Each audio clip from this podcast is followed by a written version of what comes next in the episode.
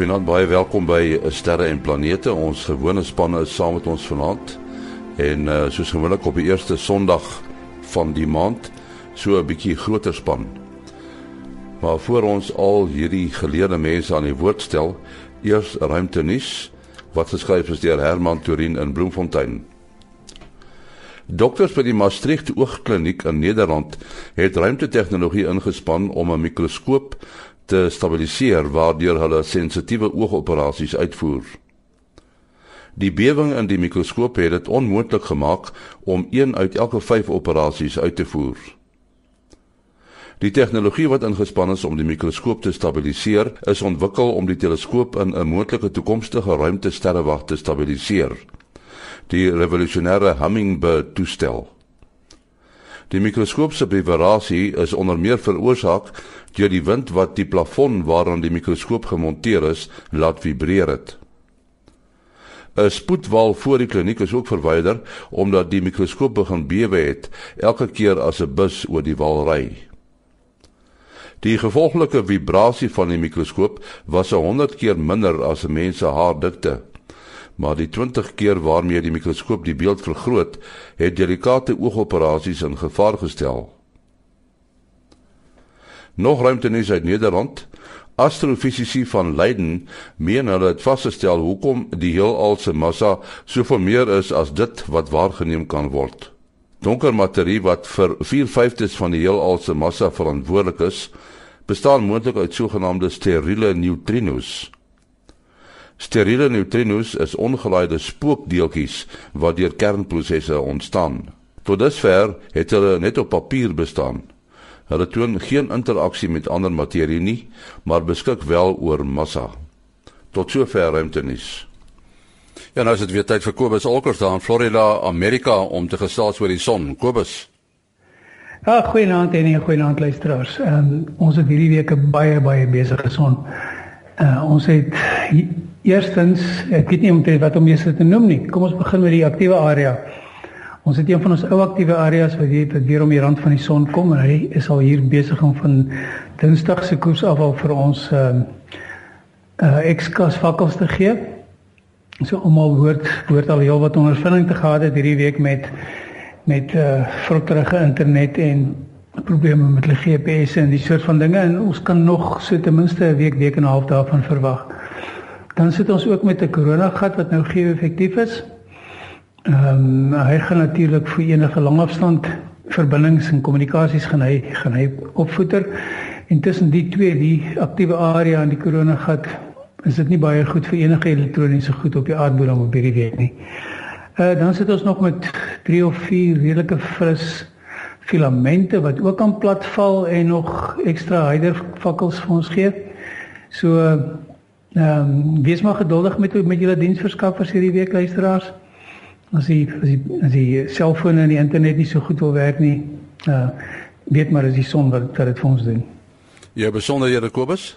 Die mense kan my hierdie vir die week of week of so het, het is my my telefoon op op uh, op volg. So mense behoort my in die hande te kan kan kry op die foon self op 083 2648038. 083 2648038. Baie dankie Kobus Olkers in Florida, Amerika. Ja, so 'n bietjie iets anders in uh, vanaand se program. Uh, ons praat oor sterre en planete, miskien meer planete in die geval. Ons praat telefonies met uh, Paul van Zuilenburg. Hy is die dirigent van die Bloemfontein se Stadsorkes. En die orkes gaan uh, uh, binnekort uh, die uh, planete van Holst uitvoer. Uh, is dit 'n moeilike werk om uit te voer, Paul? Goeienaand en ja jong dit is is eintlik in die repertoire nog een van die moeiliker stukke wat ons al aangepak het. Nou die orkes is eers ontsettend groot. Ons sit met vier fagotte, ses horings, uh vier hobos. Dis maar net in die blaasverstand ons 'n volle strydkomplement. Ons het om, om vir hierdie konsert het ons vyf trombone, verskriklike groot klomp uh slagwerk. Dis dis 'n reuse orkes. Ons stoot omtrent so 80 mense op die verhoog. Nou die die musiek self is is baie filmies, nee, is baie beskrywend. As jy mens nou dink aan Mars wat baie mense ken, uh, die bringer van oorlog, uh, dan hoor mense dit eintlik in die musiek, nee. Ja, hy Wolf het het, het regtig mooi prentjies geskilder met met die musiek en ek dink hy was ook bewus van die planeet se eienskappe amper en en ja, jy kan regtig in die musiek hoor wat die persoonlikheid van die planeet is as mens dit so kan stel. Die orkes gaan nou optree in die Santo Plessis, maar daar's ook uh, visuele materiaal te sien. Ja, ons het 'n fantastiese video wat ons uit Amerika gekry het wat vir die eerste helfte van die van die planete is net die eerste helfte van die konsert. Ehm um, wat wat elke planeet vlieg ons deur daai planete waar die musiek gebeur. Ons het 'n drie verdieping hoë skerm by 15 meter wat agter die orkes is. So die gehoor gaan letterlik saam met ons deur daai reis na tussen die sewe planete wees. Nou vertel vir ons net wanneer vind dit plaas? Uh 6 7 8 Maart in die sand volgende week. Ja, ons sê baie dankie aan Paul van Zeylenburg wat so 'n bietjie gesels het oor hierdie uh, besondere uitvoering van die planete van Holst. Ja, soos gewoonlik uh, die eerste uh, sonnig in die maand hier op sterre en planete is ons spanning so 'n bietjie groter. U weet nou al ons praat met uh, Dr. Japie van Sail daar uh, by die Jet Propulsion Laboratory in uh, Pasadena, Kalifornië. Goeienaand Japie. Goeienaand Henny, goeienaand luisteraars. En dan vir Mati Hofman, professor Mati Hofman in die Vrystaat. Uh, hallo Mati. Uh hallo Henny. Ja, die ons het net hierdie week die 160ste jaar na die stigting van die Republiek van die Vrystaat herdenk. So die Vrystaat is nog 'n goeie plek. Hy was mos die modelrepubliek in die laat 1800s. Ja, so na daai stukkie geskiedenis, nou wil ek koorts. Hallo Willie. Ja, goeienaand jy die kolonie ook ooit. hulle raak hulle raak nou baie polities vanaand hier. ons uh, wil sommer afskop uh, en ek dink ons het 'n uh, bietjie daaraan geraak Japie in die verlede dat uh, JPL die Jet Propulsion Laboratory die word uh, deesdae nogal vir eenselwig met uh, die aktiwiteite op Mars. En jy het ook gesê dat uh, dit is 'n deel van julle aktiwiteit maar uh julle aardwaarneming aktiwiteite die die neem ook heelwat van julle tyd in beslag, nê? Nee. Ja, nee, kyk, uh, mense soos jy sê, mense veroorsaak uh, JPL met die met die planeet planete en veral met Mars. Maar uh hierdie jaar byvoorbeeld is ongeveer 40% van die werk wat ons doen is navorsing met satelliete omtrent die aarde. En, en gaan dit nou oor klimaatsverandering? Dis uh, basies omtrent alles is uh, klimaatsverandering. Daar's 'n gedeelte van die navorsing is ook om wat ons noem um, natural hazards, dis meer aardbewings en so aan. Maar meeste van dit is klimaatsverandering. Ek wat is daar die ouens praat van klimaatsverandering, nie noodwendig aardverwarming nie. Hoekom is dit? Want dit die die uh, kyk baie mense glo dat dit raak net warmer, maar nat, natuurlik sekere plekke raak dit kouer ook. As jy mooi na die ding gaan kyk, dan uh, die verandering in die klimaat voorspel nie noodwendig net dat dit warmer raak nie. Sekere plekke sal natuurlik ook warmer maak raak, maar dit voorspel eintlik dat die weer baie meer um veranderinge sal hê, sogenaamde extremes. So jy sal baie warm kry en baie koud kry uh, in sekere plekke. So dis omdat uh, dis hoekom die mense dink ons kry deesdae baie meer van hierdie storms op die see en so aan. Dit is as gevolg van die feit dat daar nou meer van hierdie uh buitengewone uh klimaat sal kry dat die dat die temperature baie meer hoër of laer sal wees. Dit uh nee, dit klink vir my of dit al meer plekke so Sutherland sal raak. Ja, met die vortexe, ja. Maar natuurlik uh, lyk my Kalifornië loop nie eintlik deur nie want julle deesdae nogal taamlik lekker matige weer as ek reg uh Ja nee, kyk, hierdie winter is suidelike Kalifornië. Hierdie het ons omtrent glad nie winter gehad nie. Om die waarheid te sê, ek het nie lank terug nie het ek op die uh, op die weervoorstelling gekry gekyk in Los Angeles was warmer as Kaapstad en julle het somer daar. Natuurlik die res van Amerika daar in die Ooskus vrek die mense van die koue natuurlik. Um, maar hier by ons is dit lekker warm, dit is so somer weer. Nou hierdie aardwaarneming, is dit uh, gewoonlik internasionale samewerking? Hoe werk dit? Uh, julle werk seker saam met uh, instellings soos universiteite. Ja nee, ons doen dit baie en en ook natuurlik met ander ruimteagentskappe. Uh, ons het uh, in die aard uh, departement hierso uh, werk ons saam met die Europese ruimteagentskap, uh, uh, Japaneese. Ons het nou onlangs begin saam met Indië en uh, Argentinië ook. So baie van die satelliete is is so 'n soort van uh, dubbel agentskap satelliete wat ons op opstuur. Ja, die werk is so groot en omvangryk en dat 'n mens moeilik kan dink dat een organisasie dit kan doen, né? Ja, dit is so en die die satelliet is tipies baie groter as wat ons na die planete toe stuur. Jy weet, uh, hulle hulle baie baie instrumente op en so aan. En natuurlik die ehm uh, die klimaatsverandering is is 'n prioriteit vir vir alle lande. So wat vir al die lande wat in die ruimte rondkrap. So vir almal belangrike ding so almal spaar maar bietjie geld en werk saam. Nou op die manier kan ons almal die metings gedoen en en uh, ons kan die data met mekaar deel.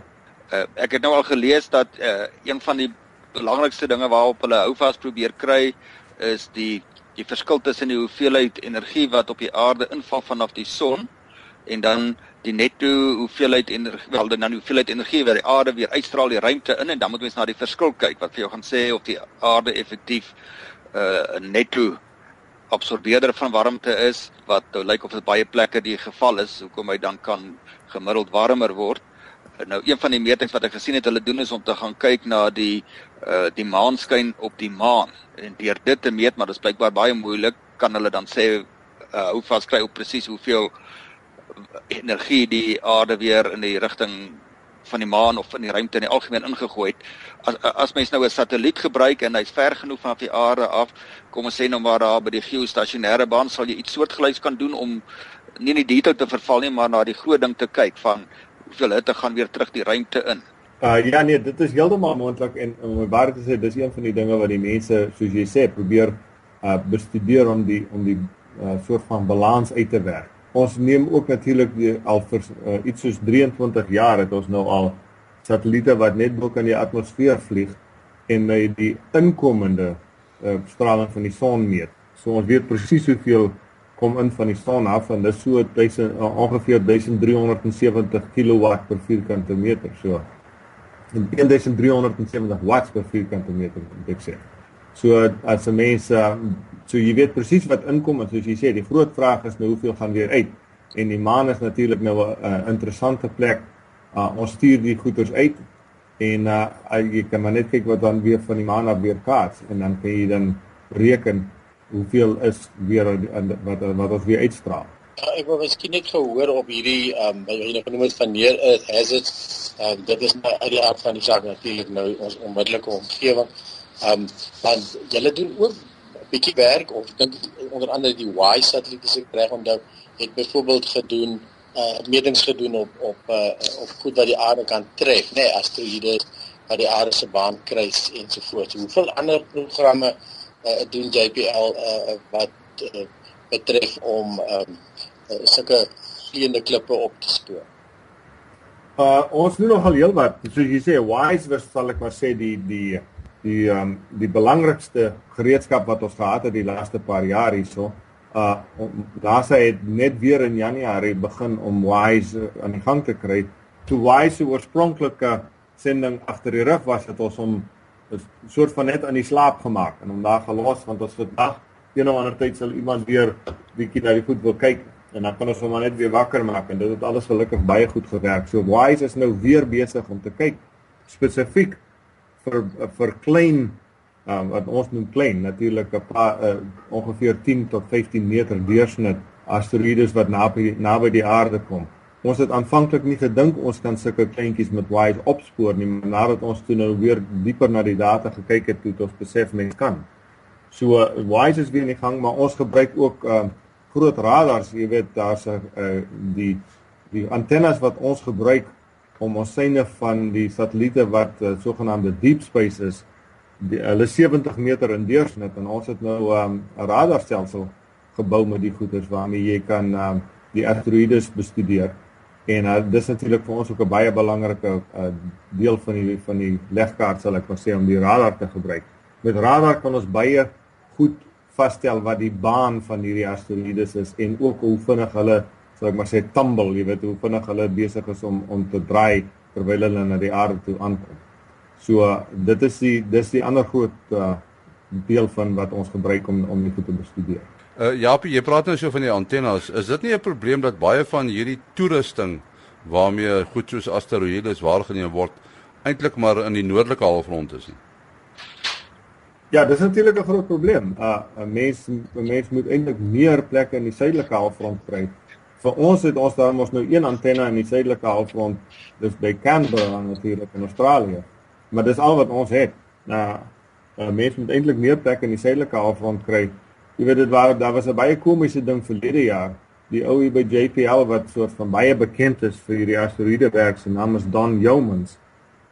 Don was in in uh, Wene om 'n praatjie te gee omtrent asteroïdes en hy het uh, as jy mooi onthou, daar was twee gevalle verlede Februarie, een wat um, uh, een van die asteroïdes tussen ons en die maan verbygegaan het en almal het hom nou vreeslik dopgehou, maar die dieselfde dag het die um, een in Rusland geval. En uh toe moes Don nou die praatjie gee omtrent hoe ons nou die goeders bestudeer en daar val die ding toe nou in Rusland en ons hom nie eens gesien kom nie. So die arme man moes nou baie mooi verduidelik dat die ding nou eintlik van die sonkant af gekom het dat ons hom nou nie gesien het nie. Ons kyk 'n bietjie weg van die son af met ons teleskope en so aan. Want hulle is te sensitief om na die sonkant toe te kyk natuurlik. So dit was nogal 'n interessante ondervinding vir die man om toe nou toe daar te moet verduidelik in plaas van om sy eie praatjie te kan gee, moet hy nou verduidelik hoekom het ons nie die een gesien wat nou vir Rusland getref het. Ja. Maar die uh, dit sou ons nou 'n argument gee hoekom jy ook 'n uh, teleskoop in die ruimte aan die ander kant van die son moet hê. Ja, dis waar. Mense moet eintlik aan die ander kant ook hê en dan die ander uh, voorstel wat mense gemaak het is om een te uh, in die baan van Venus min of meer te sit want ten minste dan kan jy van Venus af buitekant toe kyk en dan kan jy dan die aarde ook sien as iets van daar van van Venus se kant af insneek om hom raak te sien. En uh, net so ietsie oor die verskillende spanne wat 'n mens daar by JPL kry want as mense nou hoor uh jy weet julle werk nou byvoorbeeld met die met die uh Mars voertuie, dan is dit nou 'n klompie spanne wat daarmee werk. Maar uh daar's waarskynlik ook ander spanne soos byvoorbeeld die Voyager span. Cassini is hy ook daar by julle? Ja, Cassini is ook hier by ons, ja. En dis 'n groot projek. Al die al hierdie goeders toe hulle uh besig was toe ons hulle gebou het, sal ek maar sê, het daar ten minste so 2 3000 mense aan die goed gewerk. Nou dat hulle besig is om te vlieg vir al Cassini en Voyager wat nou in sogenaamde extended phases is wat nou al verby verby hulle sal ek maar sê hulle oorspronklike doel geleef het. Nou is dit so ongeveer 50 60 mense wat uh, wat die goed dophou gedurende die uh, hulle vlug. Cassini byvoorbeeld uh, die doen nog baie belangrike werk by Saturnus, nê? Nee? Ja nee, baie baie belangrike werk en en jy weet ons ons kom nou op 'n nuwe tyd aan 'n nuwe seisoen sal ek maar sê op die een van die maande Titan.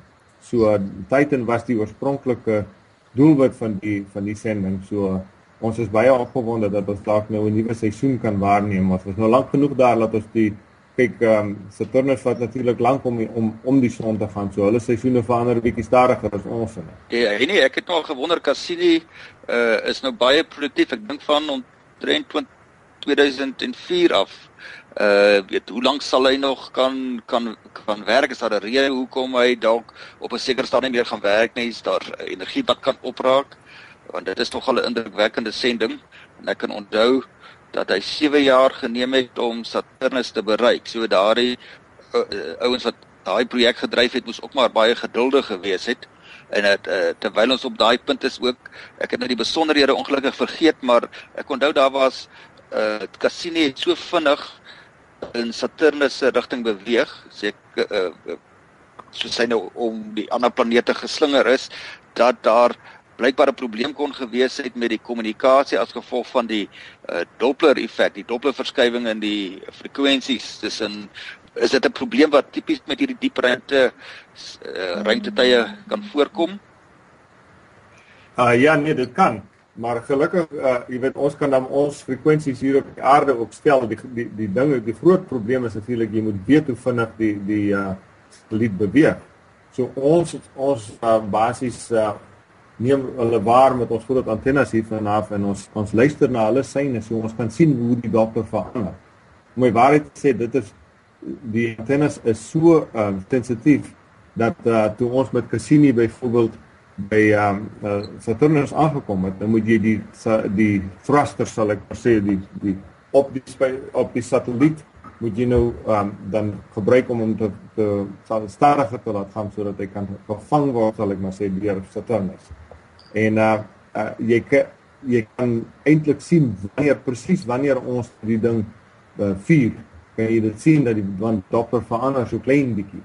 So ons dis hoe ons geweet het dat alles goed werk terwyl ons nou daar deur om die waarheid sê mense weet dit nie maar ons het deur die tussen daai ringe deur gevlieg natuurlik met die met die satelliet ons daar aangekom het. So dit was nogal 'n bietjie van van 'n uh nervous oomblik vir ons gewees toe ons daar aangekom het. Uh iets wat wat ek ook nou aan dink jy nou nou gepraat van die samewerking en die spanne en en so aan en ek as ek dit dink aan tipies hoe salt bedryf word jy het natuurlik 'n tegniese span wat die die dag werk en alles regmaak en aan die gang hou en dan het jy uh noem dit maar opera, uh, operateur en dan het jy ook 'n sterrekundige daar om te kyk na die data en na die data afkom en wat goed is en die da kyk dat dit soos wat die pers, die die uh, persone het aangevra het iets voort. So ek neem aan daar's ook 'n goeie samewerking tussen julle tegniese uh of operasionele span en dan natuurlik die wetenskaplikes en wat hulle nou wil hê en wil sien en wil meet uh ensovoorts. So daar's eintlik heeltyd 'n kommunikasie neem ek aan. Uh ja nee, kyk dit dit soos jy sê, dit is natuurlik baie baie belangrik dat 'n mens dit reg doen want uh as jy nou wil gaan bereken hoeveel geld het jy gespandeer om daar uit te kom, dan is elke sekonde eintlik 'n baie klomp geld werd. So die die die uh, wetenskaplikes wil natuurlik meer dinge kyk as wat jy kan realisties sien met die tyd wat jy het. So ons moet baie baie seker maak dat wat die ouens gevra het om na te kyk, uh dat die boodskappe wat ons dan vir die satelliet stuur presies die regte goeders is. Dis waar die ou sê maar die operateurs nou inkom daai ouens weet presies wat om te stuur en om seker te maak dat ons die regte stuur en die regte beelde weer terugkry en so voort. Ja, daar moet ongelooflike goeie uh, kommunikasie wees tussen die spanne. Ja. Eh uh, uh, Japie, daar was mos 'n uh, 'n probleem amper uh, gewees met die Huygenstuig toe hy op Titan moes gaan land dat hy het 'n kamera en dan 'n rigsteen kamera gehad, maar om een of ander rede het dit vergeet te gebly dat die een uh, en die een kamera is nooit aangeskakel nie, maar gelukkig het die ander een gewerk. Weet. Hoe kan jy iets daarvan onthou hoe dit gebeur?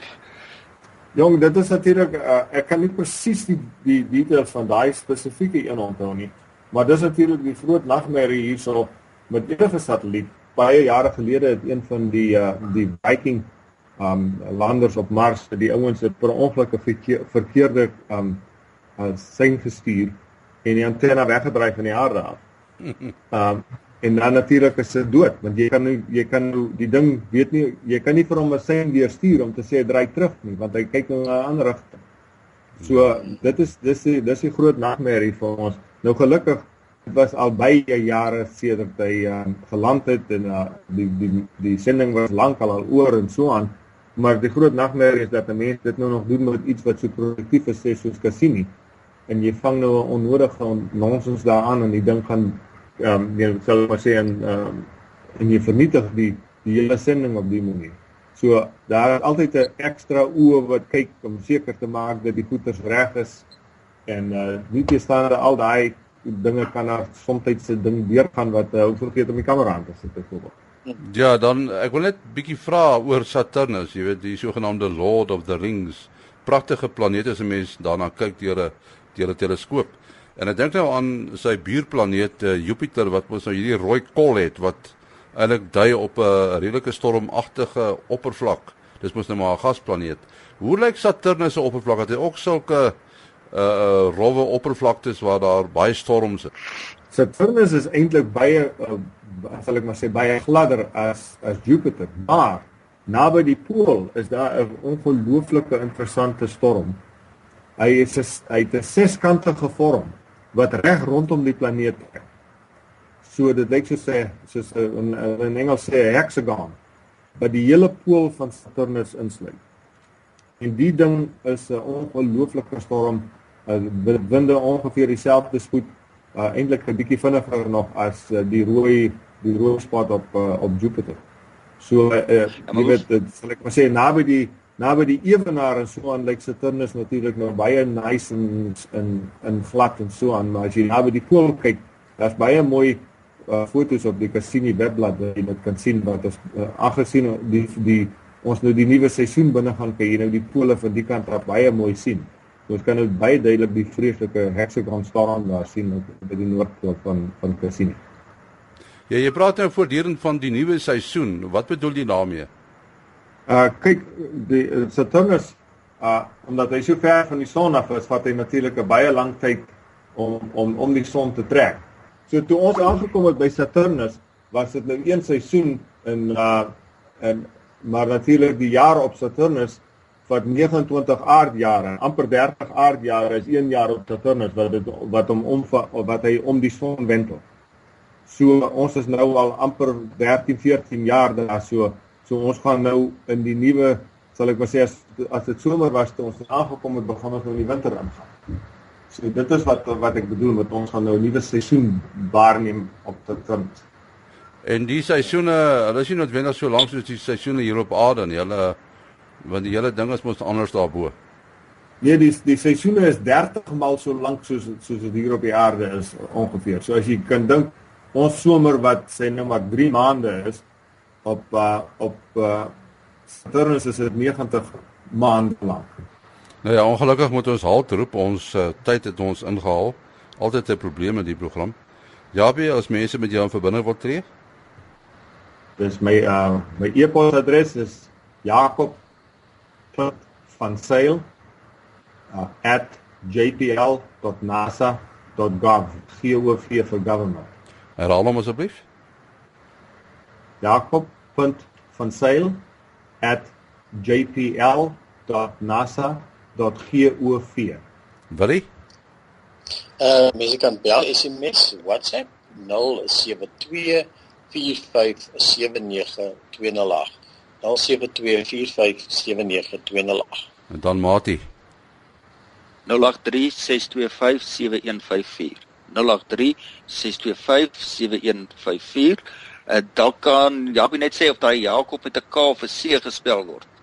Ja, dis Jakob met 'n K, maar ek het daarom hierso vir die ouens gesê hulle moet seker maak as jy ons met 'n C spel kom ook weer mee. Daar's hy. En uh My e-posadres is maas.henny@gmail.com. maas.henny@gmail.com. Tot 'n volgende keer. Mooi loop.